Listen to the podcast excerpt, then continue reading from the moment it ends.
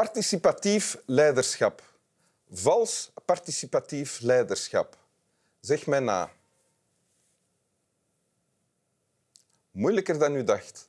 En toch, ik ken het woord zelf ook nog maar een half uur. Niet het woord leiderschap en ook niet vals, maar participatief. En ik heb het woord geleerd van mijn gast van vandaag. Welkom in Winteruur. Dank u wel. Lise Konings, CEO van Mhm. Schoenentorf. Sinds, Sinds 1 januari. sinds 1 januari. Heel recent. Ja, en dat betekent, je geeft leiding aan een bedrijf van 650... 650 medewerkers, waarvan 95% vrouwen zijn. Ja, oké.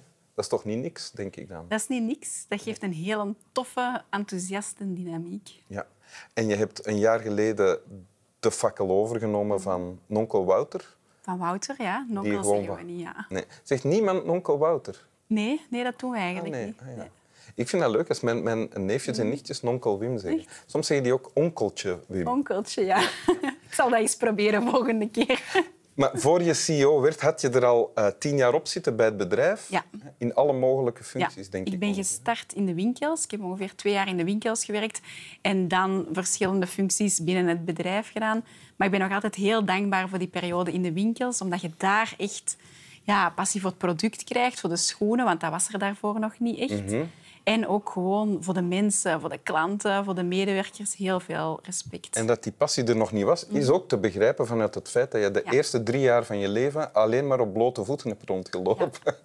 Ik ben geboren in Zimbabwe. Ja. Ja. Omdat je ouders daar werkten Ja. als eh, dokter voor eh, artsen zonder grenzen. Ja, inderdaad. Oké. En je bent ook nog eens mama van vijf kinderen. Ja, ik ben mama van vijf kinderen, twee dochtertjes van zes en zeven. En dan ook nog eens plusmama van kinderen die al 16 plus zijn en dus in een totaal andere levensfase zitten. Huplaké heb je gedacht, dat pakken we er ook Dat nog pakken we erbij. Ja, dat maakt het extra boeiend. En je hebt een tekst meegebracht. Wil je Ja, die voorlezen? zeker. Je zit achterop, dus zie je een rug en niet wat er komt. Als je dan roept, zeg mij wat er is, zegt een stem, de weg, kind, de weg. Op een dag denk je, klaar, ik heb het gehad met dat zicht van opzij. Er is altijd wel iets wat ik nog niet kan, nog lang niet weet of beter niet zeg. Mag ik nu het stuur? Dan slingert het pad en tingelt mijn bel. Ik ga naar een plek waar ik nooit ben geweest en fiets ik verkeerd, is dat pech, maar niet erg. Wat ik zie, hou ik bij. Een berg heeft een top en de wereld krijgt mij. Ja. Gedicht van Bart Moejaert. Ja, Hoe heb je dit leren kennen? Ik heb het leren kennen. Hij heeft het ongeveer twee jaar geleden geschreven, naar aanleiding van eh, Theater aan Zee in Oostende, dat toen gecureerd werd door Caroline Pauwels. En ehm, het hele theater was eigenlijk een ode aan verwondering en aan nieuwsgierigheid. Ehm, wat voor mij het tegenovergestelde is van de dingen vanzelfsprekend vinden of van onverschilligheid. Ja. En dat is eigenlijk wat mij erin aantrok. Oké. Want je hebt het daar dan... Ba- Bart heeft het gemaakt voor Ja. die editie Ja, van Theater aan Zee. En dan, daarvoor. en dan stond het ergens... Hing het aan een spandoek? Of, of, eh, Ja, het hangt nu ondertussen al twee jaar in onze keuken, omdat het voor ons zo echt de, het gedicht van ons gezin is. Ah ja.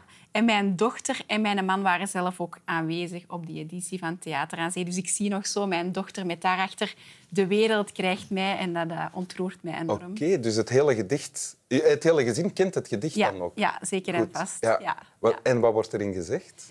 Ja, het, het mooie is van, dus het is een oproep aan verwondering en aan nieuwsgierigheid.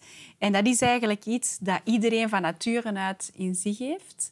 Eh, elk kindje is wel nieuwsgierig en heeft dat kinderlijk enthousiasme en vraagt waarom. Stel vragen, ja. Zeg mij wat er is, Zeg een mij wat er is en waarom is dat. En op een of andere manier ehm, is dat een ingesteldheid die dat we verliezen als we ouder worden. En ik vind dat super Die we jammer. kunnen verliezen. Of die we kunnen verliezen. Ik probeer heel bewust die niet te verliezen.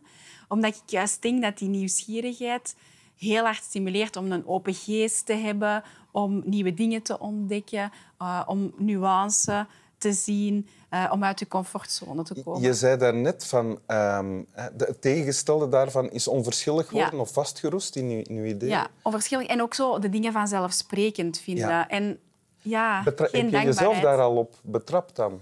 Ehm, nee, eigenlijk niet. Nee? Ik probeer echt super ehm, hard vanuit dankbaarheid in, eh, in het leven te staan. En ik heb heel fel het gedachte van... Ik ben zo met mijn gat in de boter gevallen op zoveel fronten. Dus ehm, ik probeer wel echt helemaal voor die nieuwsgierigheid en die verwondering en die dankbaarheid op die manier in het leven te staan. Ik moet nu denken aan toen je een onkel, onkel Wouter, Ja. die jij Wouter noemt, Ja. hier te gast was, ondertussen zes jaar geleden of Ja. zoiets, denk ik. Weet je wat hij bij had als, als gedicht? Ik weet het, de, gou- de, de gouden bal. De gouden Ja. bal, Ja. die hij doorgeeft. Ja. Enfin, sorry, ja, nu, nu wil ik beginnen vertellen over dat gedicht. Ja. Maar dat gaat ook over dankbaarheid en, Ja. en doorgeven van de ene generatie op de andere. Ja. En eigenlijk weten dat je altijd meer geeft dan je terugkrijgt aan je Ja. kinderen. Ja. En dat normaal vinden. Ja. Ja. Ja. het hele gedicht, ook dit gedicht van Bart Moejaert, doet mij ook heel hard denken aan, aan mijn eigen kindjes, dus aan mijn dochters van zes en zeven. En het katapulteert mij ook terug in mijn eigen kindertijd, omdat het een gedicht is dat gaat over opgroeien, over loslaten, over uw eigen pad bewandelen en niet per se gaan voor de uitgestippelde weg die dat eraan ligt. Want dat staat ook in het gedicht. Hè? Het kind Ja. dat achterop zit en de rug ziet, Ja, ja. wil zelf aan het stuur zitten ja, zelf aan het stuur zitten, zelf ontdekken. En dat is iets dat je je kinderen moet gunnen. Eh, dat is een stuk loslaten, maar dat is ook wel iets dat je zelf moet nemen als mens. Dat vraagt ook wel een soort van verantwoordelijkheid van ik wil het sturen en ik wil verantwoordelijkheid over Ja, als je zegt, oké, ik neem de leiding over van een bedrijf van 650 mensen, dan doe je dat. Op, dan doe ik dat. Ja, dat is wel zo. Ja. Daar heb ik het stuur genomen. Maar dat kan op veel fronten. Dat is niet alleen door in een leidinggevende positie te gaan staan. Dat gaat erover van goed weten waar dat je goed in bent, zelfbeslissingen en niet per se waar dat ze dan op voor u, van, van u verwachten. En dan ga je vooraan zitten Ja. en dan zeg je, de wereld krijgt mij. Ja, de wereld krijgt Ja. mij. Ik vind dat zo'n mooie slotzin. Ja, dat, dat, dat raakt mij heel hard, omdat er voor mij heel veel zelfvertrouwen uitkomt. Van de wereld krijgt mij. Maar ook een stuk kwetsbaarheid. Van de wereld krijgt mij is een soort van oproep om de beste versie van jezelf te tonen. Jezelf te zien als geschenk aan de wereld. Ja, om echt zo de beste versie van jezelf te tonen. Ehm, maar dat ook op een heel authentieke en echte manier te doen. En die beste versie is geen perfecte versie, maar het is wel een echte versie. En dat maakt het Dus mooi. ik stel mij voor, bij wat je nu zegt, dat je makkelijk fouten toegeeft. Ja, ik heb dat wel ook moeten leren. Ik ben daar niet altijd zo goed in geweest. Maar ik vind dat zelf heel belangrijk, van, dat je mensen de kans geeft om te vallen en op te staan. Ik geloof dat je daar heel veel uit leert. Eh, en ik heb dat bij mezelf ook wel moeten leren. Dus, maar je doet dat ook publiek. Ik bedoel, Ja. in, in het bedrijf, als Ja. je iets verkeerd hebt gedaan, zeg je dat ook. Ja, ik heb daar geen moeite mee om sorry te zeggen. Nee. Wat ook betekent dat je het jezelf niet heel kwalijk neemt dan, denk ik. Nee, want ik vind... Dat is voor mij zo'n belangrijke... Een beetje mild zijn naar de mensen rondom u. Van iedereen maakt fouten. En het is maar als je uit die fouten leert en er dan een stap verder in gaat... Van, dat is voor mij echt waar ik veel bewondering voor, voor heb. Niet voor perfecte mensen of mensen die dat alles maar op de juiste manier doen. Want er is geen juiste manier. Heb je vandaag of gisteren een fout moeten toegeven? Eh, ja, gisteren nog in de managementmeeting heb ik moeten toegeven dat ik weer veel te snel in iets ging en dat ik de impact op bepaalde mensen echt heb onderschat. Dus dan geef ik dat toe. Probeer dat op het moment zelf of de moment nadien. Ehm, ja, dat doe ik wel. En dat kost u niet veel moeite dan? Dat kost mij niet zoveel moeite, nee. nee. Oké. Is dat raar? Nee.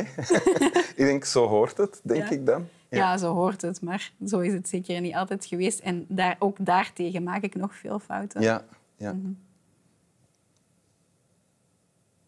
Hoor je dat, Igor? Participatief leiderschap. Vals participatief leiderschap. Dat is de valkuil. Ja. Wil je het nog eens voorlezen? Ja. Je zit achterop, dus zie je een rug en niet wat er komt. Als je dan roept, zeg mij wat er is, zegt een stem, de weg, kind, de weg. Op een dag denk je, klaar, ik heb het gehad met dat zicht van opzij. Er is altijd wel iets wat ik nog niet kan, nog lang niet weet of beter niet zeg. Mag ik nu het stuur? Dan slingert het pad en tingelt mijn bel. Ik ga naar een plek waar ik nooit ben geweest en fiets ik verkeerd, is dat pech, maar niet erg. Wat ik zie, hou ik bij. Een berg heeft een top en de wereld krijgt mij. Dank u wel. Dank u wel. Slap wel. En de wereld krijgt mij. Ja, en mij ook.